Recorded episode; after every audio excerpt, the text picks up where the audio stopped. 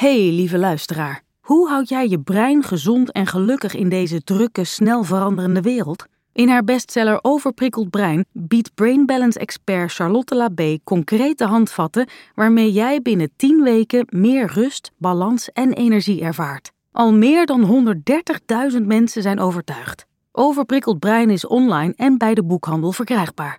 En dan gaan we nu door naar de podcast. Say hello to a new era of mental health care. Cerebral is here to help you achieve your mental wellness goals with professional therapy and medication management support. 100% online. You'll experience the all new Cerebral Way, an innovative approach to mental wellness designed around you. You'll get a personalized treatment plan from a therapist, prescriber, or both in a safe and judgment free space. Your cerebral therapist or prescriber will outline a customized plan with clear milestones along the way so you can get to feeling your best. With Cerebral, you're not alone in your mental health journey. We're here to empower you to live a fulfilling life.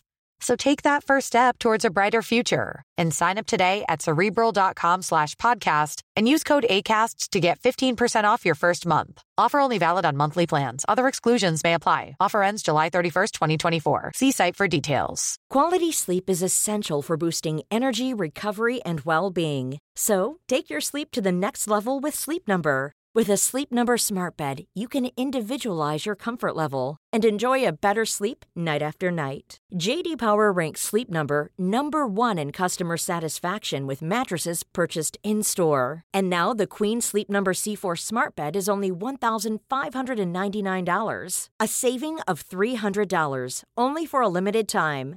For JD Power 2023 award information, visit jdpower.com/awards. Only at Sleep Number stores or sleepnumber.com. Ik had een hele goede vriendin met wie ik eigenlijk alles deelde. En dan hoorde ik dat ik dit oversloeg. Dat ik het niet met haar deelde. Omdat ik gewoon nog niet wilde dat zij zou zeggen: Jeetje, wat ben je nu aan het doen? Zo en dan, mm, dan sloeg ik dat stukje maar over. Dus ik merkte dat ik het dan niet ging, ging vertellen, niet ging delen. Soms is het een nee tegen de ander een grote ja tegen jezelf. Welkom bij Lieve Hanna, een podcast waarin ik brieven beantwoord over de liefde. Jullie brieven. Over bindingsangst en verlatingsangst. Ik ben auteur en therapeut Hanna Kuppen. Bekend van het boek Liefdesbang. En ik ben Rachel van der Pol, jouw sidekick.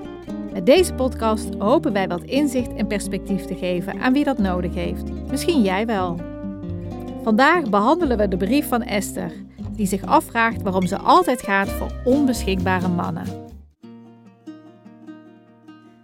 Lieve Hanna, ik heb in mijn leven tot nu toe steeds mannen aangetrokken die om wat voor reden dan ook niet helemaal voor mij willen of kunnen kiezen. En dat vind ik heel pijnlijk. Afgelopen zomer had ik een leuke match op Tinder. Na een paar weken appen kwam de eerste date, die erg leuk was. Tussen het geflirt door zei hij dat hij niet echt op zoek was naar een vaste relatie. Maar zijn lichaam zei iets anders. Prima, dacht ik, want een man die meteen een relatie zoekt schrikt bij mij ook af. Date 2 was ook fantastisch. Hij was erg lief en leek mij echt te willen leren kennen. Maar hij zei nog wel dat hij er erg open in stond. Prima, dacht ik weer. Ik weet helemaal niet of ik jou zo leuk vind. We hebben op die date de liefde bedreven, wat voor mij lang geleden was. Vanaf toen gingen we regelmatig daten en appen. Het voelde wel vrij, maar ook heel verbonden. We groeiden, dacht ik, steeds meer naar elkaar toe. Na drie maanden met hem had ik totaal geen behoefte om met anderen te daten. Drie weken geleden merkte ik dat zijn communicatie minder werd. Ik vroeg hem een keer mee uit, waarop hij geen ja, maar ook geen nee zei. Misschien heeft hij meer ruimte nodig, dacht ik. Maar daarin ging ik voorbij aan mijn eigen verlatingsangst. Dat ik het spannend vond om mee uit te vragen. Dat hij nee zou kunnen zeggen. Om te veel te zijn en te behoeftig. Ik begon steeds vaker de afstand te overbruggen die hij creëerde. Als ik hem belde, zei hij vaak: Ik wilde je net bellen. En dan was het weer helemaal goed. Achteraf gezien voelde ik zijn terughoudendheid. Er gingen alarmbellen af die ik niet wilde horen. Twee weken geleden had ik weer een date met hem. Ik wilde er open instappen en genieten van het moment. We vreden sterren van de hemel en ook voor de eerste keer onveilig. Dit heeft voor mij ook te maken met een diepere verbinding en vertrouwen. De volgende dag was het prachtig weer en ik wilde met hem erop uit. Weer kwam er geen duidelijke ja of nee. Toen ik doorvroeg, bleek dat hij een date had. Dit kwam als zo'n shock voor mij. Ik deelde mijn gevoel met hem en hij luisterde en troostte mij. Maar op een gegeven moment zei hij: Ik moet gaan, ze is al onderweg. Ik kan het nu niet meer afzeggen. Ik moest zo huilen dat we op zo'n ander level zaten. Ik dromend en stralend van de nacht ervoor. Hij zich klaarmakend voor een nieuwe date. Een vrouw die hij, zo vertelde hij, al een keer had gezien. Die nacht had hij ook seks met haar, terwijl ik snikkend hoopte op een appje van hem. Een week van verwarring en verdriet volgde, waarin ik veel ben gaan lezen over polyamorie. Zou ik dat kunnen? Want hij liet mij wel weten echt verder te willen met mij. Uiteindelijk heb ik besloten dat ik het alleen met hem zou willen uitzoeken, zonder andere vrouwen erbij. Dat stuk raakt mij te veel in mijn pijn. Het afscheid was mooi en echt. Hij wilde die twee vrouwen niet loslaten. En mijn verdriet gaf duidelijk iets aan. Iedereen zegt dat ik zo krachtig ben en dat het goed is om bij mezelf te blijven. Maar waarom doet het dan zo pijn? En waarom pieker ik over het gevoel dat ik nog niet genoeg van mijzelf hou en dat ik hem daarom niet kan en wil delen? Ik wou dat ik het kon, want dan hoefde ik hem niet zo te missen. Stel dat ik helemaal vol zelfliefde zou zijn. Zou ik dan niet in staat moeten zijn om van hem te houden hoe hij is en te vertrouwen op onze verbinding? Liefs, Esther. Ze stelt een hele duidelijke vraag. Stel dat ik vol zelfliefde zou zijn, ja, zou ik dan niet in staat moeten zijn om van hem te houden hoe hij is? Ja, in principe wel. Dus in principe is het antwoord op deze vraag ja. Maar uh, heel veel mensen zijn daar nog niet. En eigenlijk weet zij ook van zichzelf, als ze dat eerlijk zou durven erkennen, dat ze daar niet is. Dus het raakt nog veel te veel pijn. Het is nog veel te veel uh, ingewikkeld. Dus wat er bij haar gebeurt, is hè, dat haar hoofd denkt: ja, ik moet dat toch kunnen. Um, maar alles in haar lijf zegt eigenlijk: dat gaat niet. Dus haar lijf gaat uh, in de alertheid. Dus dat hele zenuwstelsel wordt getriggerd in onveiligheid en in angst. Eigenlijk maakt ze nu een hele dappere keuze om dat ook aan te geven bij hem. Dat ze dat, dat, ze dat dus niet trekt, dat dat niet gaat. Je hebt het ook over onveiligheid. En ik heb, als ik ook deze brief lees, ik voel gewoon op bepaalde momenten gewoon mijn buik samenknijpen. Weet je wel? Ook dat zij dan daar wacht en dat hij vertrekt naar een date naar een andere vrouw. Dat je denkt, oh, wat een ellende. Het is een en al onveiligheid. Het is een en al onveiligheid. En in die zin voelt ze de onderstroom haar fijn aan. En ons zenuwstelsel is gevoelig voor die onderstroom. Dus die heeft die hele basale signalen van veiligheid en onveiligheid al lang opgepikt voordat het in ons bewustzijn komt. dus waardoor dat zoveel stress geeft voor haar, uh, dat ze daar helemaal niet toe in staat is. Want uh, dat, geeft, dat geeft steeds zo'n enorme trigger. En op het moment dat jij niet in staat bent om die trigger te reguleren en om weer uh, je zenuwstelsel in harmonie te brengen, ja, dan blijft dat maar draaien op onveiligheid. En dan, ja, dan heb je geen moment rust meer. Dus dat put je uit. Dat kost bergen energie. Vindt haar hoofd dan dit moet ik kunnen? Of?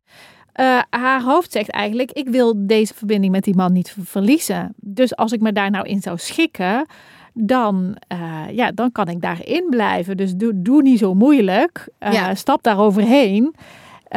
dan hoef ik deze man niet kwijt te raken. En natuurlijk ja, wordt ze weer op haarzelf teruggeworpen als het met deze man hè, niet gaat. Ja. En ja, dat, dan wordt ze ook met zichzelf geconfronteerd. Ja.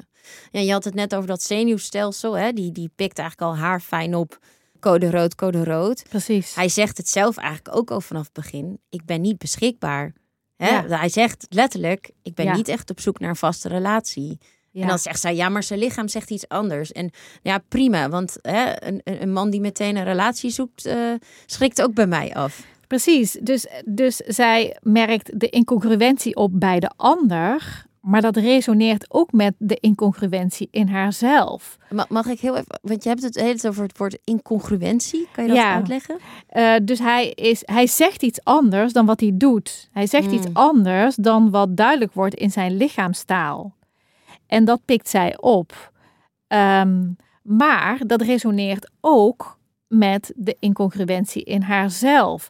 Dus eigenlijk ehm, stelt het ook haar eigen angst gerust omdat ze zelf denkt van, ja, maar oeh, iemand die wel voor mij wil gaan, dat, dat vind ik nogal spannend. Dus eigenlijk vindt ze het wel oké dat hij dat zegt. Maar dit is wel de voedingsbodem voor wat ik noem een achterdeurtje in de liefde. Of eh, een ander woord is ook wel verborgen contract. Eigenlijk maken ze in, in, in dit kleine stukje een verborgen contract met elkaar. Daar zijn ze zich allebei niet van bewust. Ehm, maar een verborgen contract is eigenlijk een onuitgesproken eh, deal die je met elkaar sluit. Die op dat moment allebei veiligheid geeft. eh, schijnveiligheid, weliswaar. Maar de boemerang van de onbeschikbaarheid komt altijd vroeg of laat weer terug. Dus eigenlijk gaan ze in dit verborgen contract akkoord met de wederzijdse onbeschikbaarheid. De, de onbeschikbaarheid lijkt van hem te zijn, maar zij kopt hem dus ook in. Eigenlijk zegt ze, oeh, ik vind dat ook heel spannend en ik weet eigenlijk nog helemaal niet of ik jou zo leuk vind. Eh, dus ik vind het wel oké, deze incongruentie. Dus vanaf het allereerste begin stelt ze niet duidelijke vragen wat zijn intentie is. En dat blijft dus in het ongewisse. Dus zij gaat eigenlijk via een achterdeurtje naar binnen, zeg je. Ja, klopt. Dus dit, dit hè, verborgen contract, wat heel vaak gebruik ik de metafoor om het duidelijk te maken. Eh, nou, stel je even voor, eh, iemand met verlatingsangst loopt door een straat en ziet in die straat eh, een, een huis. En boven de voordeur van het huis staat een bordje met onbeschikbaar. Eh, nou, laten we haar even Annette noemen. Annette loopt door die straat. Annette heeft veel last van verlatingsangst. Ze ziet dat huis met dat bordje. En wat gaat Annette doen? Nou, iemand die geen verlatingsangst heeft, die zou zeggen: Nou, ik loop wel door naar een huis eh, waar ik wel een bordje beschikbaar eh, zie staan. Maar nee, Annette doet er als het ware een sluiertje voor. Ze ziet het wel, maar ze wil het niet zien. Dus ze verdoezelt die realiteit van die onbeschikbaarheid. Ze doet net of dat bordje daar niet hangt. En ja hoor, ze belt aan. Eh, en wat gebeurt er? Denk je dat er wordt opengedaan? Ik denk het niet. Heel goed, heel goed. Yes, ik mag door voor de Eh, koelkast. Een echte, een echte eh, hè, degene die daar woont, is dus onbeschikbaar, doet dus ook niet open aan de voordeur. Maar eh, laat Annette daarbij zitten. Nee, Annette doet er nog een sluiertje voor en denkt, ja, weet je, als hij dan bij de voordeur niet open doet, tjoep, tjoep, tjoep, tjoep, tjoep, dan loop ik wel even om het huis heen en bel ik wel even aan bij de achterdeur. En warempel bij de achterdeur ja, die wordt natuurlijk open gedaan. Want degene met bindingsangst die daar woont, laten we hem even Willem noemen, eh, die zegt: Wat fijn, Annette, dat jij eh, hier eh, aankomt. Want als jij via de achterdeur binnen mag komen, mag ik altijd via de achterdeur verdwijnen als het mij te benauwd wordt. Ja, ik heb immers, ben immers duidelijk geweest dat ik aan de voordeur niet beschikbaar ben. Hè? Dat is niet zo mijn ding, beschikbaarheid aan de voordeur. Ehm, en Annette, die is alleen maar blij dat er open gedaan wordt, want die denkt, oh, dan hoef ik niet weer terug die straat op en daar alleen te zijn. En weet je, dan heb ik in ieder geval iets. Dus Ja. die neemt genoegen met het kruimeltje wat ze via de achterdeur krijgt, met het risico dat hij ieder moment kan vertrekken. En nou, dat is eigenlijk het is verborgen hier contract gebeurt, wat hier gebeurt, dat ze eigenlijk akkoord gaat. Maar op het moment dat hij dus echt vertrekt, is ze ergens ook wel weer verrast dat het gaat gebeuren. Ja, Maar al die tijd is zij eigenlijk niet duidelijk geweest, ook naar hem, in wat wil jij met mij, met onze date? Wat is jouw intentie? Waar ben jij? Waar sta jij? Waar ben je mee bezig? Terwijl die hele duidelijke signalen geeft eh, meerdere signalen. Hij zegt steeds geen ja en steeds geen nee. Ehm, Ik wilde Hij- je net bellen. ik wilde je net bellen. Dus steeds hè, toont hij geen betrokkenheid. Maar op het moment dat zij belt, dan zegt hij: Ik wilde je net bellen. Ja, dat is ja, uit het boekje. Ja, en wat ik ook heel erg herken, ik heb een vriendin, nou ja, die helaas ook vaak in deze dynamiek zit. En dan, wat ze heel vaak doet, is dan gaat ze ook nog voor die persoon denken. Dus hij geeft al die signalen en dan gaat ze er zelf een heel verhaal mee maken. Ja, nee, maar ja, ik denk dat hij ook wel tegen een burn-out aan zit. Of hij is ook wel heel druk, of hij is niet zo van het appen. Of Ja, nou dat zie je ook hier gebeuren. Hè? Dat ze zegt van, nou misschien heeft hij meer ruimte nodig. Hè? Ja. Misschien moet, moet ik mij aanpassen. Hè? Dus je gaat de ander niet confronteren. Die confrontatie durf je eigenlijk niet aan te gaan. Eh, en in plaats daarvan ga je voor de ander denken en ga je je daarop aanpassen. Maar je durft de confrontatie niet aan te gaan omdat je eigenlijk niet het echte antwoord wil weten. je wil het niet horen. Je wil het niet horen Nee. daar doe je voortdurend eh, een sluiertje voor, voor die realiteit. Je wil het niet horen.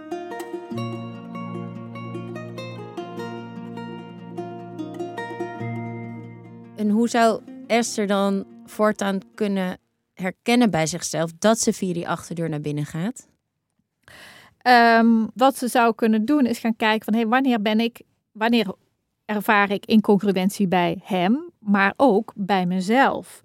Ehm, en wat ze ontzettend goed doet, maar daarvoor moest ze wel die hele pijnlijke ervaring eerst meemaken. Hè? Dus soms moet het dan oplopen dat het zo erg wordt dat je wel eh, hè, de confronterende vraag gaat stellen. Dus wat ze daarin heel goed deed, was de onderstroom expliciet maken. Waardoor ze de echte waarheid wil weten. Dus echt vragen van, goh, van wat bedoel je hiermee? Wat wil je echt? Ehm, en nou ja, dan komt er dus ook een echt antwoord. En, Ja. en moet je die ook eh, kunnen en willen horen natuurlijk. Ik, ik zelf merkte, want ik heb hier ook ervaring in, in het maken van verborgen contracten. Oh ja? Oh ja, zeker weten. En wat ik aan mijzelf merkte was dat als ik weer zo met zo'n projectje bezig was, hè, dan wist ik eigenlijk maar al te goed van, oh, ik doe het weer en ik, ik kijk ernaar, maar ik kan het eigenlijk ook nog niet anders. En ik, ik eh, heb, en destijds ook al een hele goede vriendin met wie ik eigenlijk alles deelde. En dan hoorde ik dat ik dit oversloeg, dat ik het niet met haar deelde, omdat ik gewoon nog niet wilde dat zij zou Nee. zeggen: Jeetje, waar ben je nu, eh, waar ben je nu aan het doen? Zo en dan, mm, dan sloeg ik dat stukje maar over. Dus ik merkte dat ik het dan niet ging, ging vertellen, niet ging delen. Ja, eigenlijk mogen dan alle alarmbellen gaan rinkelen. Als je dingen niet aan je vrienden vertelt. Nou ja, als je merkt van dit vertel ik normaal wel en nu Ja, niet, nee, dan ben je eigenlijk precies. jezelf giga aan het saboteren. En weet je, en de boemerang komt toch en de pijn komt toch. Je bent hem eigenlijk alleen maar aan het uitstellen. Ja. Dus ehm, je hebt er altijd een belang bij als je die waarheid nog niet wil weten. Je je had het in een eerdere brief ook al over richtingaanwijzers. Ja, Eh, en dat met die vrienden en zo'n incongruentie, dat, dat, vind ik ook weer zo'n mooi signaal of zo. Dat in plaats van jezelf op de kop te geven van, ah, sukkel en waarom lieg ik tegen mijn vrienden en wat dan ook, dat je het ehm, ja, wat milder brengt en denkt, oh, wacht, het is een signaal. Het wijst me ergens op, in plaats van jezelf zo neerhalen over wat je aan het doen bent. ja absoluut. Eh, dat, dat, dat mogen we nog veel meer leren en toepassen. Dat we echt vooral met veel zachtheid naar onszelf kijken. En dat is soms wel moeilijk onze hoor. vrienden Want trouwens. En Ja. ook, ja, want ik merk ook dat ik ook, als ik dan een keer, hè, naar, dat was naar een andere vriendin, dat ik, dat ik eigenlijk aan haar vertelde dat ik aan het loskomen was van een man en dat ik weer was teruggevallen en dat ik weer, dat het weer niet was gelukt. En dat ze dan tegen me zei van, goh, wil je daar, wil je daar dan de rest van je leven over doen om los te komen van deze man? Ja, au, au, au, weet je, alles sluit. En, en dat oordeel van haar, dat, dat kwam dus natuurlijk ook bovenop je eigen zelfoordeel, wat je dan eigenlijk al hebt, want je weet verdomd goed waar je mee bezig bent. Ja, je voelt je al zo Ehm, slecht. Precies, en dat, dan doet zij daar nog een schepje bovenop. En dat is zo pijnlijk, maar dan komt de schaamte. En dan, ja, dan deel je niet meer. En dan, ja, dan ga je nog meer ehm, jezelf isoleren en afsluiten, want vaak kijk, één keer willen vriendinnen dit horen, twee keer, drie keer. Maar uiteindelijk wordt je omgeving ook een beetje moe van deze dynamiek. Die zien al lang aankomen wat er weer staat te gebeuren. Die kunnen het voor je uittekenen. Terwijl en zelf, een deel van jou weet het ook wel, maar een ander deel wil daar nog niet aan. En dat, dat is het deel ja, wat zo niet naar de pijn wil die daaronder zit. Maar daar zit intens diepe pijn onder. En ja, dat kan ik niet genoeg benadrukken. Dat het gaat echt over hele diepe hechtingspijn, waar we heel veel compassie en zachtheid voor mogen hebben. Ja nog net een ander aspect van deze brief. Maar wat mij ook opviel is dat dan... Er, er is eigenlijk al zo'n onveilige situatie. En dan stelt hij een open relatie voor. Ja. Hoor je dat vaker, dat dat dan als oplossing wordt ja, dat voorgesteld? Ja, dat, dat hoor ik vaker. En um, nou ja, degene die het, die het wat benauwd krijgt en die, die voelt van, oh ja, weet je, ik wil en de ander niet kwijt, maar ik, dit, dit trek ik niet dat dan de partner, die dan vaak vooral aan de kant van de verlatingsangst zit, daarmee instemt. Terwijl dat ook vaak niet congruent is, daar hebben we hem weer. Ja. Met, wat er, met wat je echt wil en wat je echt voelt van binnen. Eigenlijk wil je dat niet, maar je durft het niet te zeggen omdat je dan bang bent. Ja, dan vertrekt de ander, dan raak ik hem dus kwijt. Dus oké, laat, laten we dat dan maar doen. Dan is er eigenlijk niet een echte voedingsbodem om, ja, een open relatie te hebben. Een open relatie vraagt juist heel veel openheid en eerlijkheid. Uh, dat vraagt juist het aangaan van volle processen, omdat, omdat je getriggerd en geraakt kan worden. Ja, dat zie je dus ook, hè, dat, dat deze man helemaal niet open is en uh, deelt met waar hij eigenlijk echt mee bezig is.